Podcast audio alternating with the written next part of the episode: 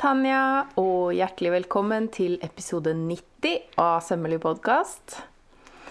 Jeg blir så glad når det er sånn runde tall. Det er et eller annet sånn Ja. øh, 90! Ja, nå har vi blitt 90. Det er Ja. godt. Ja. Det føles bra. Eh, jeg tenker vel at i denne ukas episode, som jo skal handle om merking, så føler jeg at nå er det Tanja-tema for denne episoden. Her føler jeg at du har Her kjører jeg det veldig enkelt, mens du har liksom satt deg litt mer inn i diverse former for merking. Ja, eller jeg er jo litt sånn der en eh, som skal teste alt mulig rart. Og som tenker sånn Det må finnes en eh, bedre, bedre måte å gjøre det her på, osv., osv. Og så er jeg veldig glad i god merking, fordi jeg føler liksom Gjør man seg flid med den merkinga, så går jo alt på skinna videre, ikke sant? Har, har du markert av alt pent, tråklemerka alle markeringer og knapphull og trådretning og alt som er, så blir det, da blir det sånn Da blir jeg glad. Da, da blir jeg glad i sjela, smiler og er fornøyd for hvert sekund som går videre. Jeg er helt jeg helt også... enig i det, altså. Med god merking. Ja. Det er bare at jeg, har ikke, jeg bruker ikke så mange varianter. Nei, sant. Jeg bruker egentlig ikke så mange varianter i det daglige heller. Det blir mest tråkling hos meg. Eller kanskje det er litt sånn her en, eh, en slags sånn evolusjonsprosess som har skjedd. Sånn fra ja, da jeg starta, så, så var det vel mest rissehjul og, og sånt. Og så liksom føler jeg at jeg har utvikla meg videre til kritt, og så nå er jeg liksom Kanskje på det siste stadiet der det er mye tråklemerking og øyemål, typ. Jeg vet ikke. Hvem vet?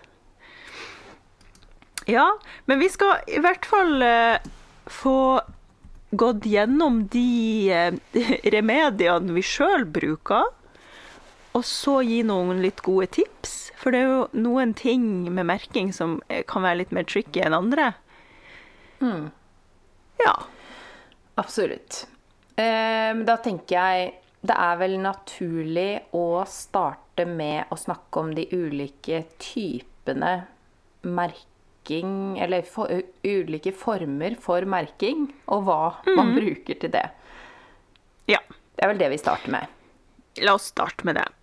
Og det sikkert aller, aller flest har hva skal man si, kjennskap til, kanskje også folk som ikke syr, det er jo det her skredderkrittet, altså kritt. At det er det man bruker når man merker. Nå ble jeg faktisk litt usikker. Er det det folk som ikke syr, forbinder med så, Ja ja, det spiller ingen rolle. Det, det jeg vet, er at veldig mange er sånn Hva er den derre flate greia? Fordi i, hvis man har arva et syskrin, så er det jo veldig ofte et sånt eldgammelt, eh, litt sånn avrunda kritt oppi der. Ja, og, det er ikke alle som jeg Det har jeg hørt flere som er sånn Er det det det er? Mm, Ja. Men hvis Men man først syr, så vet man Ja, da vet hva man jo det. Ja. Ja. Men bruker du kritt egentlig, Mari? Ja, jeg foretrekker det gode, gamle krittet som eh, er i en sånn eh, pakke med eh, hvit og gul og rød og blå, eller hva det nå er. Mm. Jeg har også blyantversjonen av sånne, men jeg liker liksom Ja. den der gode gamle, ja. Ja, ikke sant. Eh, jeg er for så vidt enig med det. Eh, samme her. Har du prøvd sånn der en um, kritthjul? Sånn som er med liksom løst krittpulver inni, og så er det et sånn lite trrrk. Jeg liker den lyden så godt, jeg. Ja, det er, en litt søt, ja, det er en litt søt lyd, men jeg liker ikke ting som må ha en refill hvor man ikke egentlig vet hva det er. Jeg liker liksom med kritt at det er sånn Det her er et kritt. Dette er det du får. Det er ikke noe sånn, det kan ikke bli tomt eller Ja, eh, ikke sant. Men de kan jo knuse, da. Så jeg har jo en, en skål med sånne bitte små krittbiter, bare. Ja, for de kan kan du jo bare male opp og refille det kritthjulet ditt med. Det altså, kan man jo. Jeg pleier å liksom morte det, og så er det fylle i, i kritthjulet. Jeg må alle innrømme, kritt, det kritthjulet bruker jeg ikke så ofte, men det finnes jo både i sånn trekanta versjon som skal liksom eh, illudere krittformen, og så Mm. finnes det jo sånne penner. Jeg vet det er veldig mange som elsker de. Ja. Bruker det ikke så mye sjøl. Da foretrekker jeg faktisk vanlig kritt, eh, først Ja. og fremst. Jeg kan finne på å bruke blyant, helt vanlig gråblyant, og jeg også. Ja, jeg òg. Hvis det er på plasser som aldri kommer til å se eh, livets lys, så Mm. eh, Det skal ikke være vond å be der. Nei. Alt som kan markere. Og det som er fint med gråblyant, er at man kan få en veldig presis, tynn strek hvis man Ja. spisser den blyanten først. Ja. Men apropos spissing og kritt. Eller først, det finnes jo to ulike typer kritt også. For det fins liksom den der som er mer sånn eh, Ja, mer mot skolekritt, på en måte. Som er eh, mer Mm. Sånn eh, tørr. Ja, og så fins det jo de der denne deilige oljete. Du, du hører jo alle hva jeg foretrekker. Mm. Ja. De som, Ja. Og der har jeg lært at de er laga av noe som heter såpestein. Som er mer sånn olja type stein. Som er blanda i eh, med ja, det mer tørre, eh, holdt jeg på å si. Som da gir de litt sånn mer mm, smakfulle strekene. Jeg. Så det er litt deiligere å bruke, syns jeg, da. Ja. De er også litt mer solide i forhold til sånn knusing og sånn, for de er ikke så sprø. Enig. Der er det et eh, japansk merke som er sånn som alle skredderne tisser i buksa av. Som er sånn helt, helt fantastisk, liksom sånn nerdekritt de luxe. Og you know it, jeg har brukt nesten ett og et halvt år på å prøve å finne ut hvordan jeg kan importere de inn til Norge. For det er ingen som selger de i Norge enn så lenge. Eh, og det Jeg har til og med gravd opp en um, gammel bekjent av meg, en japaner som jeg dansa med uh, i mitt forrige liv, og bare sånn åh, Johei, kan du være så snill å prøve å hjelpe meg å finne ut hvordan jeg får tak i det her? Men det er jo komplisert, ikke sant? Alt sånn her med innkjøp til bedrift, det er jo ikke Ja. Vanlige folk skjønner, vet jo ikke nødvendigvis hvordan man gjør det. Og får Nei. kjøpt inn ting til innkjøpspris og sånn. Så, men jeg gir ikke opp. Japansk nerdekritt, coming to Sømrom soon. På et eller annet tidspunkt. Hvis noen ikke klarer å vente, hva heter dette nerdegrittet da? Hvis man vil søke Det på det? Det heter eh, Å, herregud, vent litt. Det er jo selvfølgelig et sånt navn som jeg ikke bare husker eh, bare sånn over en lav sko. Er det kintsugi? Nei, vent. Nå sier jeg noe feil. Det er noe annet. Det er Det er det der en reparasjon. Ja. Ikke sant? Der ser du. Nå baller bare alt seg sammen. Alt som er Åh, nå følte jeg meg nesten litt rasistisk. Ja, men det er så, en sånn japansk navn. En kintsugi. Uh, Ja, men det, skal jeg du kan dem. jo ikke japansk, så det, jeg tenker at folk skjønner at det ikke var ment eh, som rasisme. Å ja, og det er fordi det er veldig likt. Det er yin-butsu. Yin-butsu.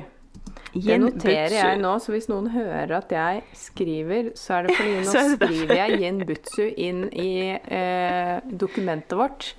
For Yes. det er eh, Da kan vi gi den kunnskapen videre. Yin-butsu Taylor Shock. Og, man, og noen i in the UK har jo selvfølgelig klart å, å få eh, importert det her inn til Europa. Så det, du, man får kjøpt det online fra mm, bl.a. Storbritannia, men da er det vel en del toll og hurra meg rundt og sånt som kommer på toppen, så jeg vet ikke helt hvor dyrt det er å bestille det derfra. Men jeg skal, altså, om det er det siste jeg gjør her i livet, så skal jeg finne krittet og få det inn til Norge. Ja, nå har jeg sagt det òg, så da må det skje. Ja. ja, ja, men det er ikke Yes. alt man sier høyt som eh, skjer. Uh, ref uh, Katinka-buksene. som jeg fortsatt får mailer om. Det er fortsatt ikke for seint. Nei da, det, står, eh, det står faktisk øverst på, på uh, 2022-lista mi. Jeg tør nesten ikke å si det. Det kan fortsatt skje. Ja. Yes. Ehm, ja. Og så er det jo en litt sånn finurlig sak her, da, som jeg tipper var kanskje litt vanligere før. Mhm. Det er jo da et sånt skjørtestativ med krittpulver, og det er sikkert mange som ikke vet om at det her fins engang. Men jeg husker vi solgte det på svømmesenteret. ja, jeg tror svømmesenteret fortsatt selger det, faktisk. Ja, det vil Mm. jeg tro. Ja. ja, det er jo litt artig, for det, altså det, det er jo egentlig ganske morsom eh, installasjon. Det er jo en sånn en, Ja, et stativ med en liten boks em, som man fyller med sånn løskritt. Og denne boksen kan man da eh, dra opp eller ned på det her stativet, altså denne pinna som står opp fra gulvet, eh, og finne riktig høyde. Og så går det jo en sånn eh, Å, herregud, nå har jeg ikke ord. Tube. Mari, hjelp. Ja, det er en slange, og så med en sånn der en liten ballong på enden som man liksom Ja. psh, psh, psh. Sånn, sånn, puff, sånn parfymepuffe-blære, liksom. Ja. Som da og, og så da spytta den her lille boksen ut gritt I en strek. Og det er jo da for å sjekke Eller for å markere skjørtelengde på Ja. skjørt og kjoler. Bare det at det fins, gjør meg veldig glad. Det er veldig søtt. Jeg har faktisk et sånt i, som er eh, kanskje fra 60-tallet eller noe, i originaleske, som jeg fikk av en venninne. Det er så Eh, fint. og jeg har jo aldri brukt det, men jeg liker veldig godt eh, at det fins. At det fins, ja, ja. Ja. Det gjør meg også glad å vite at eh, ja, det, det finnes. Ja.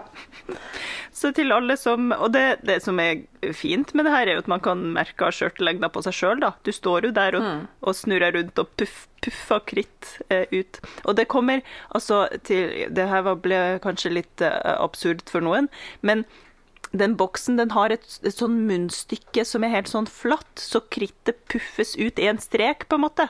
Ja. Så det er en sånn liten sprekk som det kommer ut gjennom, så det lager en rett strek, da, horisontal strek, når det kommer ut. Ja. ja, det blir ikke en sånn skikant. Nei, ikke en sånn parfyme. Parfymespray, liksom. Det ga ingen mening. Ja. Nei, Nei, det, det er jo en morsom gøy. sak, da, som finnes. Mm, den brukte en del, det er vel Erling, faktisk. Et par flere ganger. Det er vel Erling, for vi hadde Ja. det på atelieret der. Det er gøy. Eh, Men så finnes det også et um, type kritt. Nå, ja, forsvant vi jo litt vekk fra kritt. Eller ja, vi er fortsatt Ja, litt i kritt uh, eh, med krittpulveret. Ja. Men det fins også, også et sånt self-vanishing type kritt. Altså et kritt som forsvinner av seg sjøl etter en stund, eller med damp. Så når man damper over eh, med, varm fra, med varme fra dampjernet, så forsvinner det. Em, det har jeg faktisk Nå høres det her ut som en reklame, men, eh, og det er det kanskje også litt. Det selger jeg på svømmerommet, for jeg bruker det også sjøl ganske mye. Uh, det syns jeg er er også deilig. Det er ganske mye stivere. Det er på en måte For det er jo ikke kritt lenger, tror jeg. Nå vet jeg ikke hva det består av. Men det er nesten som litt sånn pleksiglassaktig når man tar på det. Eh, Men så legger det jo eh, merker da, når man bruker det. Det er litt sånn spesielt. Jeg vet ikke helt hva det består av. Eh, Men fint å ha når man skal markere ting ikke sant, på framsida av plagg, hvis man skal markere plassering av en passpolert lomme eller et eller annet sånt, og så vil man jo sikre seg at det merket går bort. Det er jo ikke alltid det gjør det med kritt. Så eh, er det helt nydelig. Apropos, ja, sjekk alltid dere som hører på. Ta en et, et test på et lite stykke av det stoffet dere skal merke på, både for å sjekke om markeringa vises, men også for å sjekke at det går bort, faktisk. Det er ikke alltid det gjør det. Nei, det er akkurat på sånne her ting så er det ganske vesentlig å ha sjekka sånne ting. Jeg får litt hetta av ting som liksom skal Det er meninga at skal forsvinne, så tenker jeg sånn ja, ja, Da tenkte jeg det kommer aldri til å skje. det gjør det. ja. Det, ja, på godt og vondt. Jeg har en Ja. feil på det der som jeg skal dele på slutten. ja. Det blir bra. Det er sikkert fint for folk å ha noe sånt å, å hvile i. Eh, og så er det en annen ting som jeg vil tro at også forsvinner ganske sånn naturlig, og som er en favoritt hos deg. Såpestykke. Ja. Gode, gamle såpestykke. Det, vi har snakka om det før, føler jeg. Jeg føler at jeg har, Ja, har hatt eh, munndiaré over hvor mye jeg elsker såpestykker før. Ja, Men eh, da- det er jo helt nydelig. Ja, da tror jeg jeg fortalte at det var det du som lærte meg at man kunne bruke gamle såpestykker, for det visste ikke jeg før jeg så det eh, Hos meg. deg. Ja, ikke sant? Så det var veldig gøy. Fordi, men har ikke dine besteforeldre og sånn hatt det? Fordi det er jo der jeg lærte det. At jeg fant masse sånne gamle såpestykker alltid når jeg drev og sorterte knappene i syskrinet til farmor og mormor og sånn. Og så da var jeg jo barn, så jeg skjønte jo ikke bare Å, herregud, hvorfor ligger det såpestykker her? Men så, så har det jo den koblinga skjedd i senere tid. Jeg var sånn «Åh, Selvfølgelig. Jeg har nok ikke da- reflektert over det. Jeg har nok enten tenkt bare sånn ja ja, her er det mye rart. Her er det Ja. så gammel såpe, ja ja. Eller så har jeg tenkt å, det er et kritt. Jeg Ja, har nok ikke jeg har nok ikke reflektert over Men da du delte det, så var det sånn Ja, det gir jo helt mening. Ja. Ja. Og det, de som, ikke, de som hører på nå, er bare sånn Hæ, såpestykker? Det er jo snakk om da når man har liksom vaska såpestykket helt ned, så det er bare en sånn tynn flis igjen, som kan minne om et slags kritt, da. Det er da de blir med bort til sømrom. og blir til skritt kritt, såpestykker. Ja. Nå er det jo ikke alle som er sånne fastsåpefolk sikkert heller, men det, eh, det passer jo godt inn i hippiefilosofien vår, at vi er Ja. såpestykkefolk. Jeg er jo selvfølgelig et såpestykkemens, ja. Ja. Og der må jeg jo si, det er jo ikke alle såpestykker som funker. Eh, For hvis det er en sånn veldig myk såpe, på en måte Det er jo mange såpestykker som er sånn helt eh, supermyk. Og hvis det er mye eh, fuktighetsgivende ting i, hvis det er liksom en litt sånn fett såpe, så vil jeg heller ikke anbefalt det, for det kan eh, legge igjen eh, fettmerker i stoffet, da. Så det er ikke hvordan som helst såpe, CP, som funker.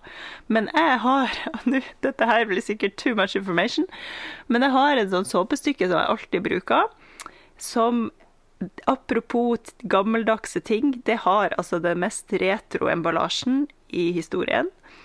Um, det heter Sterilan Det var det jeg visste du skulle si! Yes, det er Ja. den grønne såpa. Ja. Der det står sånn 'effektiv mot svettelukt' på Ja. pakken. det er min favorittsåpe, altså. Jeg kommer ikke unna det. Og den er veldig bra.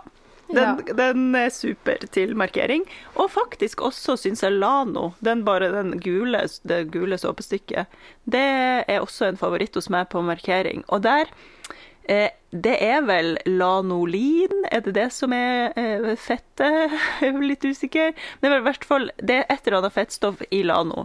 Men det har aldri lagt igjen merker hos meg. I hvert fall ikke enn så bra. Lenge. Altså, jeg kjenner jo da Jeg må jo nesten Jeg kan ikke høre på det om- om den Sterilan-såpa uten å si det at det er sånn eh, Kanskje mitt nummer én morfarminne. For det, den såpa, den brukte han i alle år. Så jeg blir sånn svak om hjertet. Så når jeg tenker på såpestykket, så tenker jeg liksom på den der mintgrønne såpa til morfar. Den er Ja, veldig fin er også. Også den lukta. Mm. Så det er eh, Ja. Han gikk jo bort for noen år siden, så jeg kjenner jeg blir sånn Åh, Åh, ja. ja. Det er fi, fine minner. Ja. Nei, den såpass, det, det er It's the shit. Det må Ja. jeg si. Og den finnes jo ikke overalt, ikke sant. Så nå er jeg bare sånn Det er kanskje den, en av de få tingene jeg er litt sånn bekymret, oppriktig bekymra over, er at den såpass skal forsvinne en dag. Jeg vet to butikker nær butikker her som har den, og da hamstrer jeg stadig vekk. ja. Det, det skal jeg notere meg. Skal jeg også hamstre et par sånne morfarsåper bare for å ha det. Ja. Det var såpestykker. Em, Og det fungerer jo eh, akkurat som kritt, egentlig. Og som du sier, de går bort. De går også bort med damp, ikke sant? for det blir fuktig og, og sånt, så det, de forsvinner med damp ofte. Eller alltid, hos meg i hvert fall. Har aldri opplevd at det ikke går bort. Og så er det jo ikke noe fare for at det ikke går bort i vask. Det, det gjør det jo. Eller med vann, da. Mm. Ja. Det var vel omtrent det som var kanskje om, eh, om kritt eh, og Det- såpesnakk. Vet du hva? Faktisk ikke. Nei. Utrolig nok.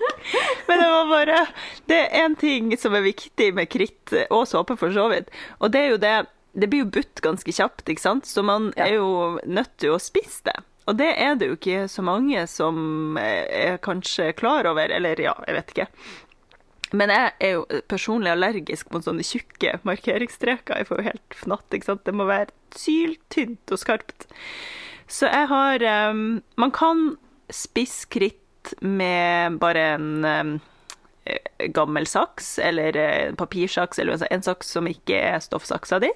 Da er det jo litt sånn å bare spikke på hver side, på en måte. Skrape en del på den ene og den andre sida til det blir spist. Eh, men jeg har også fått i gave hos min kjære en sånn liten boks med sånne barberblad tett i tett i tett inni boksen, så man kan spisse skrittet over. Har du sett de? Ja, den er veldig søt. Sånn, og så står de i sånn V-formasjon på en måte nede i den boksen. Ikke sant? Nei, ikke, ikke Ikke min, din? men eh, Nei. noen eh, har sånne, ja. At de Ja. står i en V.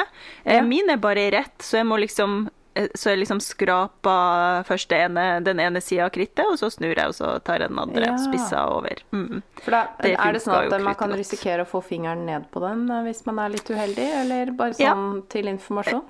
Ja, det er ikke Ja. et barnevennlig redskap. Nei. Det må holdes unna kids. Det er Ja. sylskarpt, og veldig mange barberblad som står, eh, som står der, Ja. tett i tett. Mm. Ja. Em, jeg innbiller meg at vi hadde det på svømmesenteret bare i plast, da, som var ikke like nusselig som dine i tre. Eh, og at de sto i en V-formasjon. Og så kanskje at det var et sånn slags sånn deksel som man skjøv ned eller noe, sånn at den hadde litt sånn sikring. Jeg har, jeg har en sånn plastsak i V-formasjon. Mm. Den syns jeg fungerer OK nok. Og så har jeg faktisk eh, igjen det, Her er ikke reklame, men jeg selger noen kritt eh, som har De ligger inni de har på en måte en eh, boks, da, eller hva jeg skal si. Altså at krittet er inni en sånn beholder, sånn at du kan Når du åpner den, så trenger du ikke holde i krittet, du holder liksom i beholderen. Noe jeg syns egentlig er helt tull, men uansett. Men det der lokket på den beholderen, det har også en sånn liten vedspisser. Det jeg ikke liker med de her vedspisserne, det er at den veden ofte er litt for åpen, hvis du skjønner. Det er Ja, ikke en sånn Ikke spiss og lang nok. Ja, Ja, ja det, var, det, blir har jeg litt tenkt òg. Det blir ikke helt Det, det får ikke schwungen på, for å si det sånn, da. Så derfor foretrekker jeg enten saks eh, og slip sjøl i den vinkelen jeg- vil ha, eller så kan jeg jo også bestemme vinkel når jeg sliper over den eh, lille boksen min, da, som er helt flat. Mm. Ja, det var, Da- det var det. Tror jeg Da- vi har tatt det som er å si om kritt. Ja, bortsett fra at det også finnes sånn kritt blypenn. Har du sett det? Ja, ja, ja. Ja, den tenkte jeg da du sa penn i stad, så tenkte jeg mm. ja, det må vi si. Uh, ja, og den Jeg tenker jo at den blir Fordi det er jo ganske tjukke, de derre kritt... Uh, hva skal man kalle det? De stengene, liksom, som man putter inn. Eh, de, De- er jo ikke supertynne, de. Eller Nei, den de fins i null- supertynn, men den fins i også litt uh, mer sånn Ja, for, ja, ja. Noen, Ja. de der som ser ut som sånn barnetegnestift, det får jeg panikk av. Det går ikke. De er altfor tjukke. Den er jo nesten jeg- en halv centimeter, liksom. Den, er kanskje litt det- mindre, da, men eh, den for meg oppleves som veldig diger. Ja, den er diger. Og den skal man vel egentlig spisse i en sånn blyantspisser, tror jeg. Altså, det blir for meget for meg. Og det er også Ja. et sånt Det krittet er også sånn skolekrittstemning, så det er veldig Ja, sånn dryssete og sånn rart. tørt. Ja. Det klarer jeg ikke. Men de der eh, De som faktisk ser ut som en ordentlig blypenn, de Ja. har bly som er 0,9. Så det er jo Ja. Jeg som er vant med å skrive eller konstruere med 0,3 bly blyant, liksom. Det Mm. 0,9 er jo litt tjukkere, men det er fortsatt såpass tynt som en liksom ikke 100 skarp eh, 100% skarpt kritt. Så jeg syns de faktisk fungerer eh, veldig bra, akkurat de der. Mm. Men de er jo da, ja, blypenn, på en måte, med bly.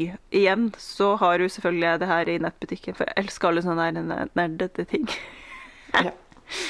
Eh, så de syns jeg funka ganske bra. Man får jo de ulike farger også, da. Mm. Som alt annet kritt, egentlig. Apropos kritt. ja. Nå tror jeg vi kan tr tråkle oss videre til tråkling. Tråklemerking. Ja. Ja, eh, det er jo min favoritt. Utvilsomt. Min absolutte favoritt. Tråklemerking. Og da, ja, det blir jo feil å si tråkling, for det, tråkling er jo når man skal Når man liksom bruker håndsøm og tråkling til å feste ting sammen. Det gjør jeg ikke. Men gru. tråklemerk Skrekk og gru, det finner jeg ikke på. Men tråklemerking gjør jeg veldig mye av. Det syns jeg er superkoselig. Mm. Hvordan er du på tråklemerking? Jeg har liksom ikke det helt store behovet for det. Jeg gjør det når jeg syns det trengs. Men eh, jeg syns jo det ser veldig nydelig ut når andre gjør det. Men jeg er jo veldig enkel når det gjelder merking. Ja. Jeg bruker jo, det skal vi snakke om litt seinere, men jeg, det er liksom knappenåler og hakk som gjelder for meg. ja. Stort sett. Ja. Nei, jeg elsker tråklemerking. Og, da, og jeg er jo sånn som Jeg tar meg liksom tida til å tråklemerke alle bretta, f.eks. Så når jeg går til og skal legge opp et opplegg, si f.eks., da, eller brette inn en knappestolpe eller et eller annet sånt, så trenger jeg ikke å stå der og måle eller lure eller ja, bli sånn Å, gud, er øyemålet mitt on top of my game yeah. today? Yeah. Ha tråklemerkinga, følg den, ikke noe lur på. Ferdig snakka. Ja. Og, så, og da vil jeg jo bare eh, Fordi at eh, tråklemerking kan jo være så mangt. Så jeg tenker at aller først så bør vi kanskje si liksom hva er det, og hvordan gjør man det. Og de to variantene som jeg på en måte har et forhold til, da, jeg som egentlig ikke bruker det noe særlig, det er jo den ene varianten når du tråkler to lag samtidig. Altså du syr med veldig sånn løse sting opp og ned gjennom begge de, og så klipper imellom. Så det bare står igjen sånne løse eh, Hva skal jeg si Sånne stumper, på en måte. Ja. Det er jo én Taylors Jeg syns det er så fint, for selvfølgelig så har du jo alle slags mulige navn for dette på engelsk. Ja. Taylors tack. Det er så fint Ja. ord, syns jeg. Det er en sånn liten stump. Ja, det er stumpen. Og så er det jo det å, å på en måte bare sy en tråklesøm for hånd med litt sånn passe lange sting, så det er lett å dra den ut igjen. Eh, det er vel de to typene. Og det er jo Ja. som regel blir jo det gjort for hånd, da. Ja. Mm. Absolutely. Så da bruker man jo Altså, man kan bruke vanlig sytråd, det er ikke noe i veien for det, men det fins også sånn spesial tråkletråd, som er en bomullstråd som er litt sånn eh, slapp, slapp, på en måte. Altså morken, har jeg lyst til å si, men det er den jo ikke. Den er bare ikke hardt tvunnet, så filamentene er veldig kort, og man kan rive den med fingrene. Altså veldig lett å rive bare eh, med hånda. Um, og den er litt sånn tjukk, den tråkletråden, så den passer jo egentlig best til ull. Eh, og den er vel laga med tanke på sånn klassisk herreskredderi og dress, eh, dress og sånn. Til sånne ullstoffer. Um, mens hvis man skal tråklemerke i tynnere stoffer der man er litt redd for at uh, tråden skal lage spor, den tråden som lager minst spor, det er silketråd. Så da hvis jeg skal tråklemerke i sånne tynne chiffonger eller silker eller noe, så bruker jeg silketråd, for den legger minst mulig eh, Hva skal man si? Ja, spor etter seg. hull. Ja. Og apropos det, merking i chiffong og sånne veldig, veldig levende stoffer. Eh, da kommer man ikke særlig langt med knappenåler og hakk. Eh, så, og den er, ettersom det også er gjennomsiktig, så må man jo Der er jo tråkling faktisk det beste alternativet. Ja, definitivt. Du får ikke noe kritt. Altså, ja, krittet sitter ofte ikke så veldig lenge eller godt i de. Eh, og det samme gjelder jo også alt av sånn blonde, ikke sant. Det er jo ikke noe annet å gjøre der enn å, enn å tråklemerke. For den knappenålen detter ut, og krittet sitter ikke.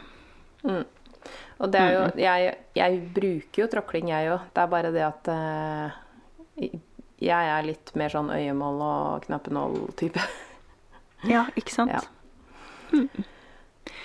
Nei, tråkling er livet, ass. For min del, da. I hvert fall akkurat uh, nå, enn så lenge. Det syns jeg Og jeg synes, for meg så blir det òg en sånn Det blir liksom eh, Du vet, ja, man har jo liksom klipping, og så merking, og så begynner man å sy. Liksom alle de her stegene i sømprosessen. Og jeg koser meg så ekstremt mye med tråklemerkinga at mm. den vil jeg ikke gi bort for noe. Det tar jo tid, men jeg, jeg føler jo at det sparer meg for tid senere, da, selvfølgelig. Så, og jeg, nei, hadde ikke vært foruten, ass. Tråklemerkingen er heart. Men hva, eh, hva er liksom sånn typisk når eh, tråkler du eh, ta, ta oss gjennom prosessen. Um, jeg pleier jo, ja, som jeg sa, å tråkle opp f.eks. plassering vi skal, skal, skal ha knapphull. og så liker jeg å tråkle merke opp midt foran, uansett, på et vis. Og i buksa så pleier jeg faktisk å tråklemerke opp eh, trådretninga, altså sånn midt i buksebeinet, til innprøving, sånn at jeg kan For se at balansen. eh, Ja. Ja. Mm.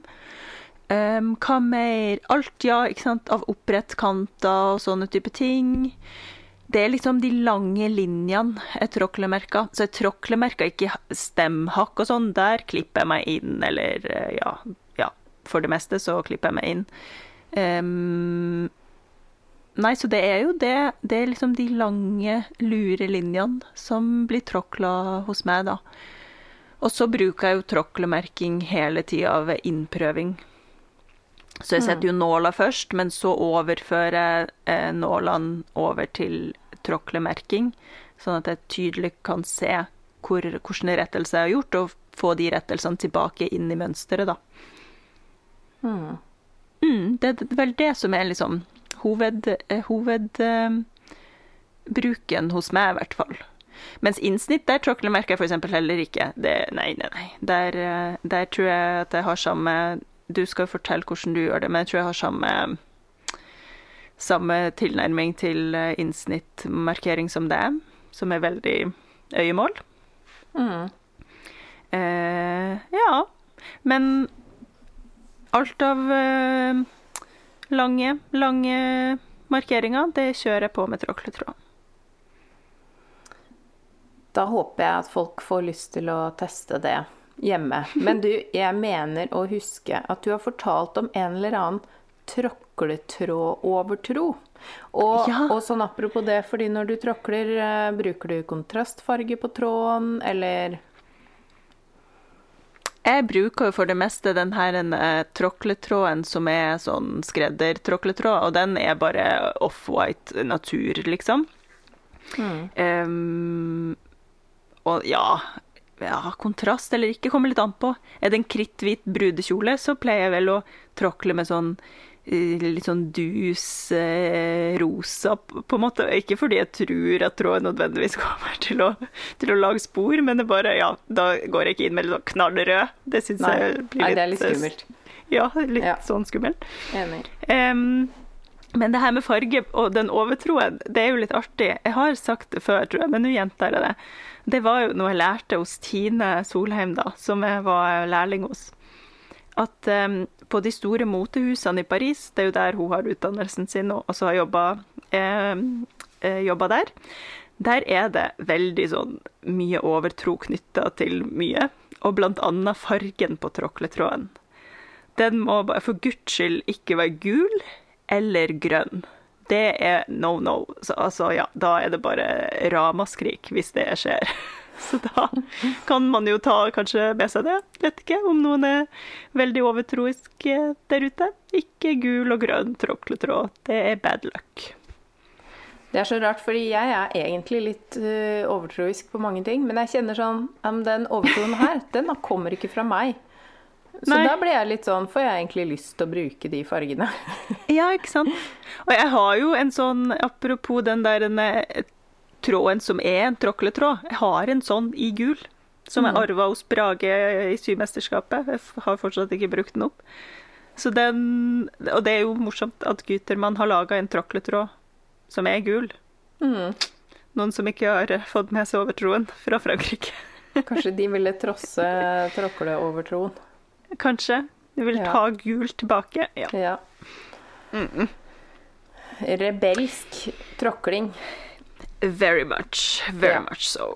Men du, når vi nå er inne på merking Fordi merking kan jo være så mangt, ikke sant? Ja. Og ukas sponsor, Nominett, lager jo noen nydelige merkelapper som man kan sy inn i plaggene sine. Ja! Kaching, eller Ka-ching. tromme, et eller annet. Poff, poff. Ja, altså jeg har jo eh, uli flere ulike typer merkelapper fra Dominett. Jeg vet du, har eh, laga de tidligere og bestilt, og er veldig fornøyd med de. Og det som er gøy, apropos merking, vi som syr eh, Eller ja, de av oss som syr klær på bestilling, vi må huske på at vi faktisk er lovpålagt å vedlikeholdsmerke eh, klærne inni. Eller det vi syr, da. Eh, og også um, oppgi hva, um, hva slags Ja, hva vi har sydd av, da. Altså sånn hva stoffene er. Bomull, ull, alt det der, ikke sant. Og det som er gøy med Nominett, er at de har sånne der ferdige sånne vaskesymboler. Så man bare kan liksom putte på merket hvis man har lyst til å bestille sånne vaskeanvisningslapper. Det liker jeg. Ja. Og du har jo på dine lapper også satt på verdens koseligste tekst, som jeg tenker sånn Nå har alle lyst til å kopiere den teksten. Nå må du nesten Ja. fortelle hva det står. Jo, på den ene varianten av lappene mine så har jeg liksom logoen på den ene sida, for de er sånn dobbel, ikke sant. Og på den andre sida så står det da 'bruk med kjærlighet, reparer ved behov'. Og det er jo eh, Det syns jo jeg er en fin eh, hva skal man si, beskjed å sende videre ut med plagget. Ja, det er så fint. Jeg vil også ha det. Og hvis du, kjære lytter, har lyst på det du også, så kan du få et skikkelig godt tilbud av oss. Ja, ja, Nominett har vært kjempesnill og gitt eh, lytterne våre en rabattkode. Og da bruker dere koden SOMMERLI og får 15% rabatt på et valgfritt produkt. Og da er det altså på nominett.no dere bruker det her. Og tilbudet gjelder en måned fremover nå, så frem til 17. mars 2022, for å være helt presis. Ja. Og da er det Det skrives nominette.no, bare sånn for å Ja. ha presisert det. Nett, ja, nettet med to t-er. Mm. Ja.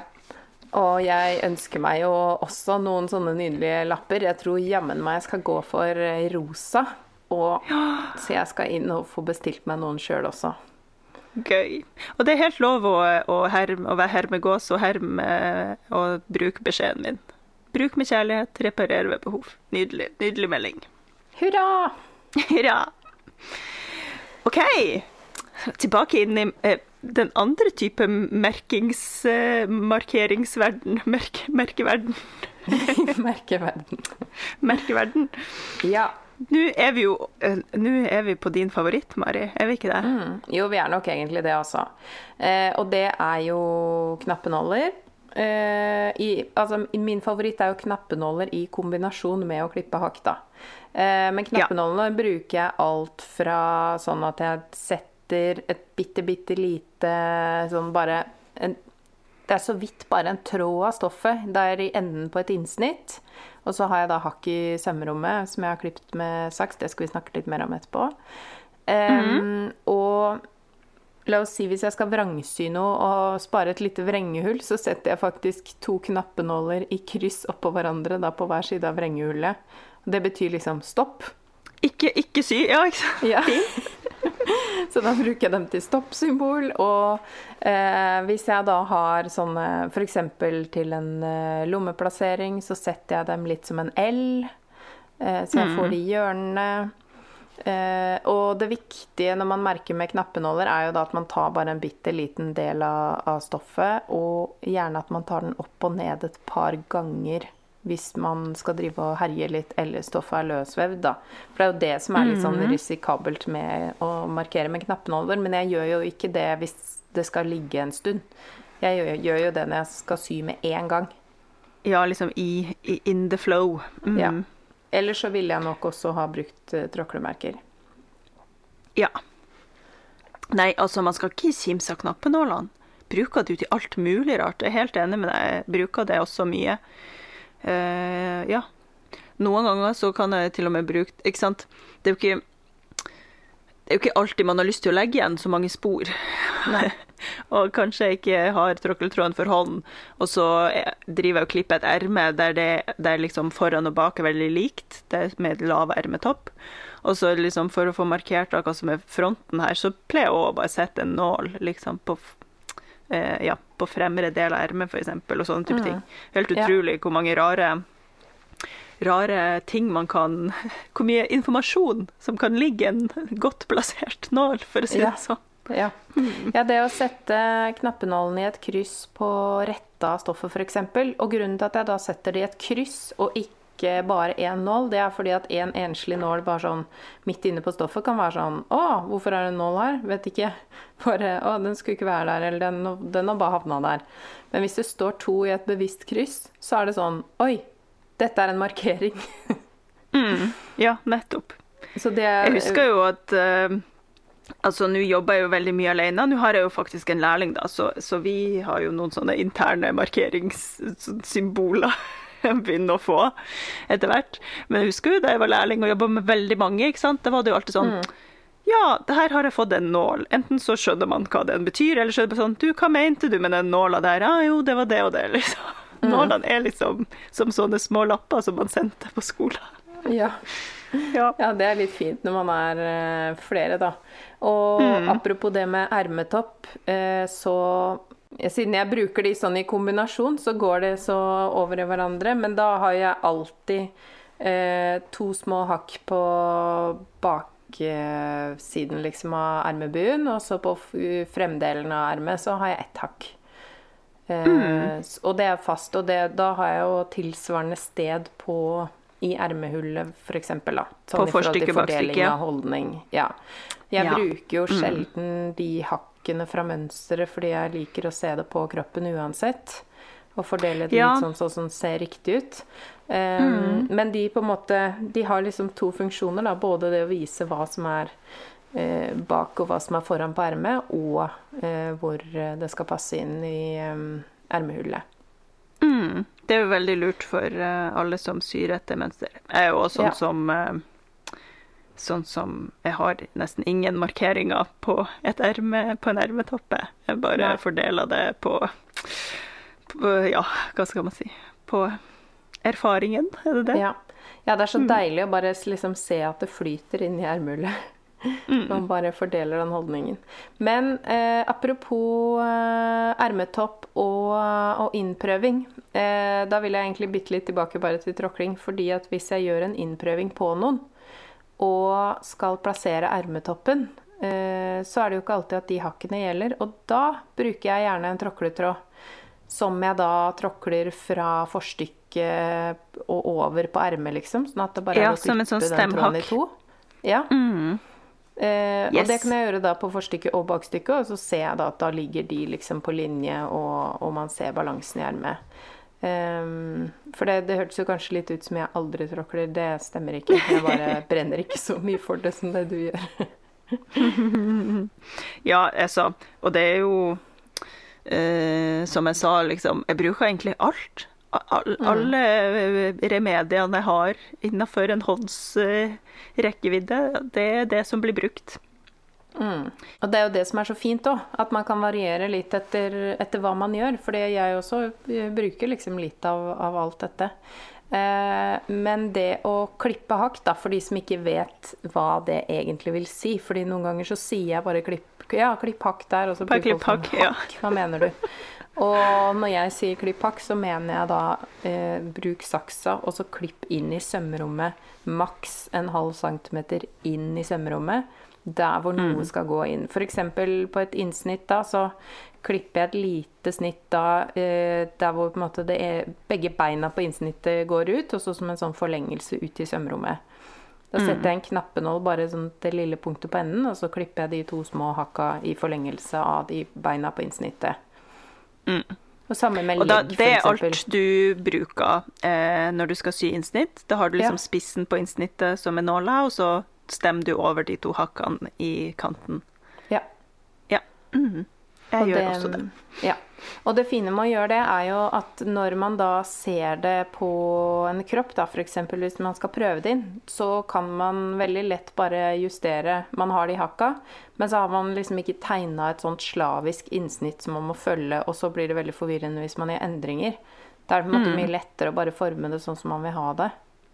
Ja. Og jeg har faktisk i det siste gått mer og mer over til at jeg, um, jeg klipper hakk på Eller jeg markerer av eller klipper hakk på midten av innsnittet og på det ene snittbenet. Og så har jeg nåla i tuppen. For da vet jeg at hvis jeg bretter på det midt, uh, midthakket inntil nåla, og liksom har en pen brett der, så følger jeg jo bare det andre hakket som er det ene snittbenet, og så hipp og hoi og hurra meg rundt. Noen ganger syns jeg det er lettere enn å få de der to hakkene til å stemme over og liksom øh, øh, Ja. Ja.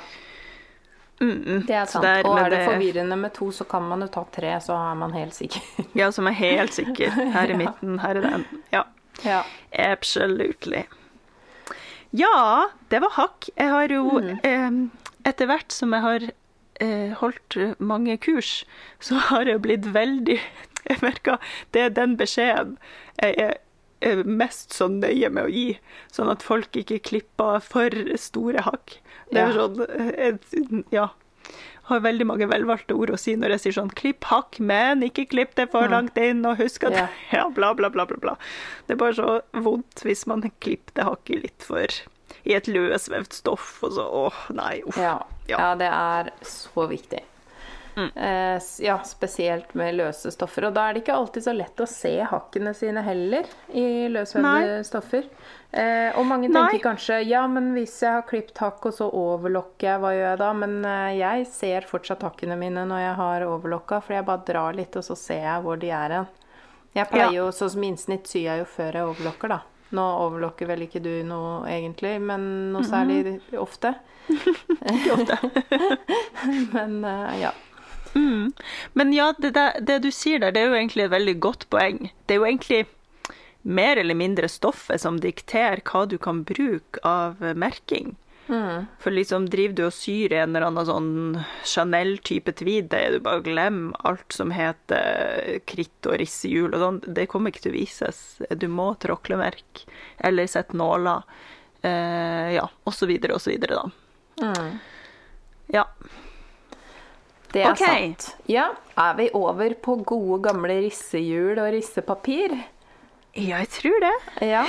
Og det som er litt gøy, jeg husker da jeg akkurat liksom skulle begynne å lære meg dette her på ordentlig, ikke bare sånn hobbygreier hjemme, så eh, Og i oppveksten så var jeg sånn Hvorfor er det en sånn kakegreie, sånn kakehjul, oppi Ja. kjøkkenskrinet? Det skjønte jeg liksom aldri. Og så etter hvert så begynte jeg å legge merke til at eh, ja, men den kakegreia, den har jo sånn bølgete kant, mens den her har jo sånne pigger. eh, men, men for meg så var det liksom kakehjul veldig lenge. Ja. Så for de som da ikke vet hva rissehjul er, det er det Det ser ut som sånn kakehjul, eller pizzahjul, med, men bare med pigger, da. ja. Eh, Og har du sett at det finnes også en sånn variant som ikke har tagger? Som er som et liksom pizzahjul? ja. Det har jeg Eh, aldri testa. Nei, det kan jeg godt snakke litt om etter at vi har snakka om eh, rissehjul med rissepapir. Med Ja. Mm. Eh, fordi at eh, det er jo Man kan jo velge også å risse uten rissepapir, men nå tar vi det først med. Og da Ja. er det jo da rett og slett kalkerpapir. Eh, Yes. Overføringspapir som man bruker da i kombinasjon med det rissehjulet. Legger stoffet imellom, og så ruller man, så kommer det sånne fine sånne prikkete streker eh, når man markerer. Og det er kjempefint hvis man har veldig mange detaljer som skal markeres inn på ett sted. Mange innsnitt, eller det blir jo veldig sånn presist. Eh, Man må bare være veldig obs på at man da velger Når man har kjøpt en sånn pakke med ark med flere farger, så bør man ikke velge så stor kontrast til stoffet. Ikke gå for rød på brudekjolen, liksom. Nei. Ehm, og eh, hvis man da er eh, Hvis man da skal f.eks. ha et mønster og legge det eh, risse sånn at det blir på begge deler av stoffet, så må man jo legge to sånne papirer, eller brette det sånn at man får overført det på både eh, Altså på begge stykker, da. Ikke sant? Eh, Ja. Og da passe på at det blir på vranga, for det, det er mange ting. Tenk deg nå at nå ligger alt oppå hverandre her. Mønsterpapir på toppen, og så to lag stoff. Og så skal man da finne ut det rette stedet å legge inn dette rissepapiret. Det er jo her en del nybegynnere kan ramle av. Så må da Ja. det ligge med fargesiden mot vranga på stoffet.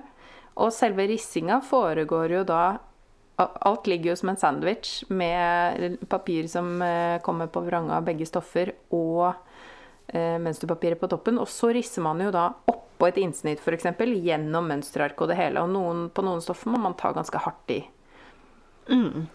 Ja. Um, Og jeg tror risse Det er risseblekk, eller hva er det som er på kalker? Er det type kritt? det er litt sånn fett lettstiftaktig, spør du meg. Men Ja. det fins jo ulike typer. da. Noen er veldig Ja. fettete, som jeg omtrent ikke tør å ha inne på syrommet engang. Mens andre er Ja. veldig tørre. Mine er skikkelig tørre, og de er jo over 15 år gamle, for jeg har jo aldri bytta ut dem. Jeg bruker jo Nei, de. jeg vet. Det er, bare, det er så mange sånne hull i de rissepapirene, men de funker fortsatt. Jeg syns det er litt Um, koselig også. Veldig hyggelig. Tenk Ja. på mye, mye historie i et sånt lite ark. Ja. Men ehm, ja, for det er kanskje det jeg ville testa aller mest. Nå, hvis man har tenkt å bruke eh, det her på eh, Jeg personlig bruker aldri sånt på retta. Til å markere ting på rett side av plagg. Det er kun ting som forsvinner inni og er på vrangsida og aldri kommer til å vises. Jeg Eh, for jeg tror de der ene prikkene er ganske vanskelig å få ut, altså. Ja, det er de. Ja. Eh. Det kan jeg bekrefte. Og derfor så er en eh, hit, eh, i hvert fall en eh, ting jeg liker godt, det er å risse uten papir. F.eks. de få gangene jeg syr en brudekjole. Så kan jeg bruke, hvis jeg ikke markerer med bare altså de veldig levende stoffene, da, så kan det være greit å markere litt skikkelig. Eh, og da tar jeg et rissehjul og legger, eh, legger stoffet på et hardt bord, da, sånn at jeg har liksom full kontroll. Og så risser jeg sånn at det bare blir eh, de, de prikkemerkene uten papir. Du må jo virkelig følge med på hva du gjør. Eh, men f.eks. på sånne litt blanke selskapsstoffer, så kan det synes veldig godt. Og på sånne tettvevde stoffer og sånn. Eh, og bare en, Ja. eh, egentlig en vevd viskose får ganske tydelige merker. Bare, bare med den Ja, Ja. enig. Og det kan man jo også gjøre med den eh, som ser ut som et pizzahjul, da. Men eh, da må man jo for all del passe på at den ikke er eh, skarp. Og for all del ikke forveksle den med skjærehjul. Ja, gud. Ikke gjør det. Absolutt ikke. Men fordi rissehjul fins jo både med sånne buttetagger, men så fins Ja. det jo også de der som skal brukes til skinn, egentlig, som Ja. har sånne s- helt spisse nåler liksom på seg. Ja, de er vel Eh, nesten de- til gjennomhulling. Ja, de er jo til det. Så det Ja. kan jo fungere i f.eks. en bomull, da. For der Mm. kommer jo de hullene til å trekke seg sammen og forsvinne, liksom, etter man har eh, Ja. dampa og sydd og alt det der. Så det er jo også en mulighet. Men de Mm. Ja. lager hull, bare sånn ja. Varsku, Det gjør de. Og jeg bruker faktisk eh, Jeg husker det på den tiden da jeg var eh, ganske sånn fersk og drev og lærte meg å tegne av mønster på de klærne jeg hadde. Da Mhm. tok jeg faktisk Dette var mens jeg fortsatt bodde hjemme hos mamma og pappa. Da tok jeg eh, et litt sprøtt papir og la oppå gulvteppet i stua som var litt sånn eh, fluffy. Og så la jeg plagget oppå, og så tok jeg da rissehjulet sånn at den stakk hull der hvor sømmene var, nedi det papiret. Og siden det da hadde mykt underlag, så ble det hull. Ja, sånn, ja. Det var nok eh, Altså, det, var, det er jo veldig mange måter å gjøre det på, men det, var, det er min assosiasjon. Når jeg tenker på rissehjul, så tenker jeg på den tida da jeg drev og brukte det for å lage hull gjennom ting. For å lage liksom eh, et mønster. Ja, Ja. altså, ja. Det, det rissehjulet kan være nyttig å ha til Det er mange måter man kan få bruk for det. Og så dessuten ser det jo veldig sånn eh, koselig ut av det der med Spesielt det i tre. er jo veldig pent å ha. trehank, ja. Ja, Ja. jeg vet. Så fint. Um, Nei, man skal ikke kimse av et godt rissehjul. Absolutt ne. ikke dere. Uh, og apropos Fordi det er noe her jeg har kalt skrapemerker. Det Du har skrevet skrapemerker i manuset. Mm. Eh, og det, Interessant. det er da uh, som en erstatning til rissehjul, så har jeg også eh, noen ganger Det gjør jeg ekstremt sjelden, men, eh, men for det, man kan jo risikere å dra ut eh, tråder av stoffet. Men hvis man forsiktig drar en knappenål bortover Et sånt type stoff som det syns fort på, da, som eh, det som jeg beskrev tidligere til å risse uten papir. Man kan også gjøre det ved å dra en knappenål forsiktig bortover på stoffet. Så vil man få et sånt skrapemerke, da. Ikke sant? Eh, det har sikkert et annet teknisk navn som jeg ikke husker. Det høres eh, skummelt ut. Det har ikke jeg testa. Jeg Men har det går det kanskje an å vært, eh, Ja, det var vel det jeg tror jeg gjorde det med. Det var da jeg drev og øvde meg på å sy innsnitt. Så hadde Mm. jeg hakk, Og, og så hadde jeg markert spissen, og så tror jeg jeg brukte linjal, og så veldig forsiktig skrapa med knappenåler da, i de to, langs de to beina, for å ha Ja. en guide. Eh, Jeg ser jo for meg det går bare godt i bomull og litt sånn lerrets... eh, lerrets eh, ja, det er litt sånn tettvevde stoffer. Ja, Mm. ja jeg, jeg vet jeg har brukt det på, på litt skjørere vevde stoffer, og at det har gått fint. Men det er, det er en litt risikofylt metode. Men det er liksom gøy hvis man har lyst til å teste ut litt forskjellig, så er det Ja. et alternativ. Um, Yes. Man kan også bruke hodet på knappenåla liksom sidelengs. For det er jo Ja, avrunda. Ja. Ja. Sweet. Det var Ja. rissing og skraping og, og alt, alt som er å finne der. ja. Da skal vi ta den siste, eller ja, kanskje den siste. Eh, som eh, vi begge er litt sånn Litt sånn kald. Ja. Ikke det mest eh, overbegeistra Verken jeg eller du er vel så veldig begeistra for det her. Det er vel Men det en sånn slags her modernisering av kritt, som jeg ikke har noe sånn veldig På en måte kunne det vært en forlengelse av krittkategorien. Ja, på en måte. Samtidig Ja. så er det jo ikke kritt i det hele tatt. Det er jo Nei. et slags type blekk. Ja, det- Nå Ja. snakker vi om de her merketusjene og merkepennene som har eh, begynt å komme på markedet. Mm. Um, og der er det jo helt sikkert mye bra. Jeg har eh, to typer, faktisk, sjøl. Den ene er en litt sånn rosa sak som er som en kulepenn, liksom. Så det, det ser ut som blekk, det som kommer ut av den. Og det skal forsvinne av seg sjøl. Og det gjør det i ja, jeg vil si 99 av tilfellene. Men ikke Ja. på alle stoffer. Det forsvinner ikke fra alt. Nei. Eh, og den bruker jeg litt, ja, hvis jeg skal sy noen prøvelapper eller et eller annet, eller bare ja, skal liksom markere litt sånn kjapt på et eller annet. Eh, funker jo helt fint. Det er jo som en penn, på en måte. Men, eh, eh, men eh, det er ikke den jeg strekker meg etter, liksom. Som min go to. Det er det ikke. Nei. Og så er det jo sånn eh, Jeg har en sånn tusj, men den bruker jeg nesten aldri, for jeg er så livredd for at ikke det skal forsvinne. Eh, Det er en sånn tusj som Det er vel varme som skal gjøre at den forsvinner, mon tro? Ja. Er ikke det en type? Eh, jo, jeg tror noen forsvinner Altså, der Det måtte jeg jo le, fordi det er så mye rart. Noen forsvinner med varme, og noen forsvinner med kulde. Altså, oh, ja. hvis man legger det i fryseren, liksom. Ja. Og noen eh, forsvinner av seg sjøl, og jeg føler det sånn Ja, noen forsvinner hvis månen står i riktig stilling i forhold til Venus og sånn. Jeg vet ikke. Ja. Men, eh, men Det er de litt der sånn det jeg har- føles. ja, det er litt sånn det føles. Og den tusjen eh, Jeg har også en sånn type tusj, og den liker jeg ikke, gitt. For den er jo som en tusj, så hvis man bruker det f.eks. i noe, jeg vet ikke, satengvev så æser jo den streken bare sånn ut. Den bare sånn trekk inn i fibrene, hvis du skjønner. Altså, det er jo ikke presist nok Nei. i det hele tatt. Nei, jeg syns heller ikke det. Det liker jeg ikke. Nei. Eh, Nei. nei, men, eh, men det er Det finnes, og det er mange som er fornøyde med det. Og bare sett dere inn i hvordan de forsvinner. Fordi Ja, Hvordan forsvinner de? Og test for guds skyld om den Ja. faktisk forsvinner, for det Ja. gjør ikke alltid det. Nei. Yes. Og det, nå var vi veldig farga av våre meninger, men der er jeg litt sånn Hvorfor finne på masse nye ting når vi har så mye som fungerer allerede? Ja, det tenker jeg òg. Akkurat på de merkegreiene. Det er veldig gøy med, med dingser, men, men liksom veldig irriterende hvis det ikke egentlig fungerer. Eh, og så er det en, sånn, en slags forlengelse av dette med merketusjer, men som egentlig ikke er til merking.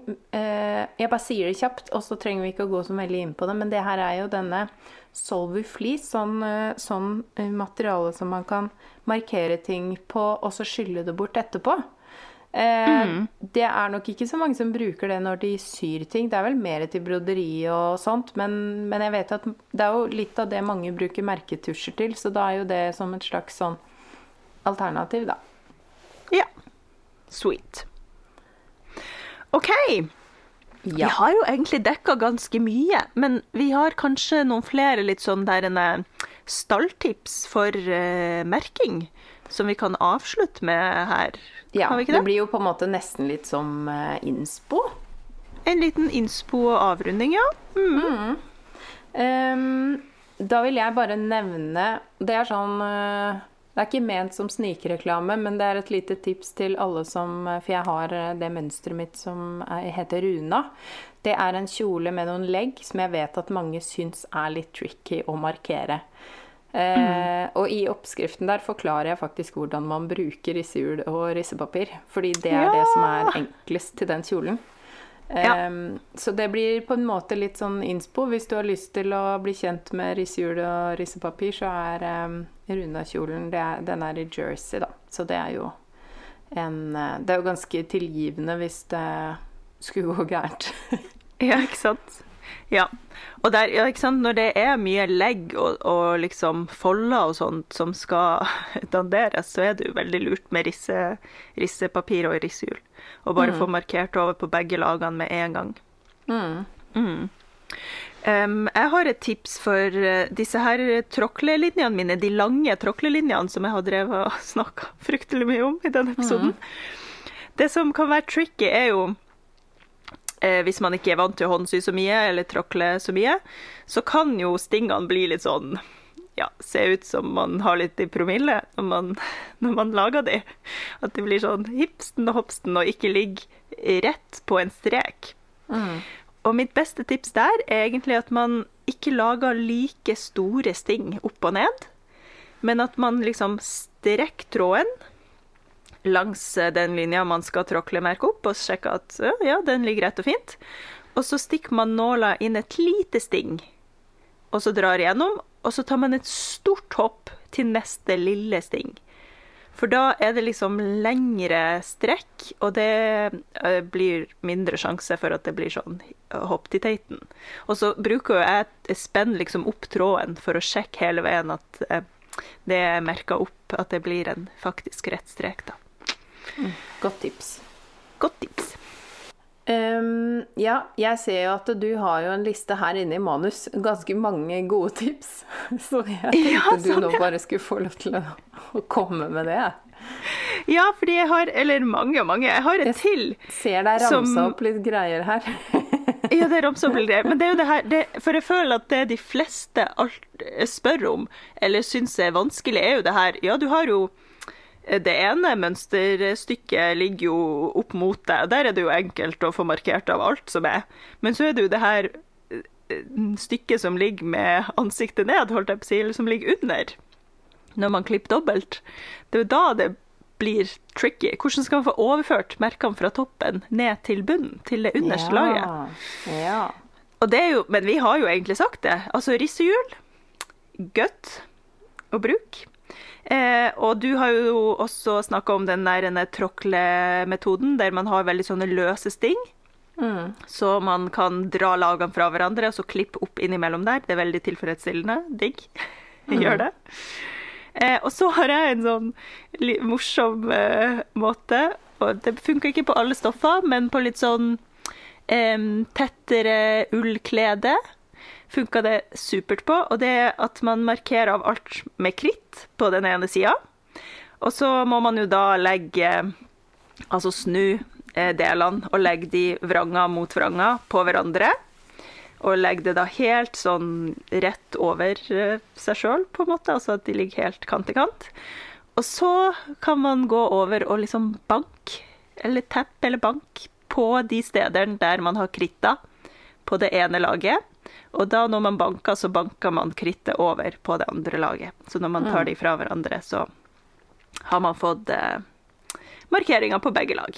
Ja, og da skal jeg eh, bare komme med For det har ikke jeg sagt eh, tidligere, i hvert fall ikke i denne episoden. At eh, For det med bank, bank på kritt, nå skjønte jeg og det er stikkordet ditt. Ja. Knock, sånn, knock, who's there? spennende. Ja, nei da, det er bare det. Ehm, fordi når, eh, når stoffet ligger dobbelt og mønsterarket ligger oppå, så stikker jeg en Da sørger jeg for at alt ligger der det skal. Kanskje at det er vekter eller lodd på de delene som ikke må skli fra hverandre. Stikker jeg en knappenål gjennom f.eks. spissen på et innsnitt, og så løfter jeg opp eh, stoff og papir, sånn at jeg da har vranga på stoffene, har tilgang på begge de. Og så markerer jeg spissen da der hvor nåla kommer ut av mønsteret og, og gjennom stoffet. Ja.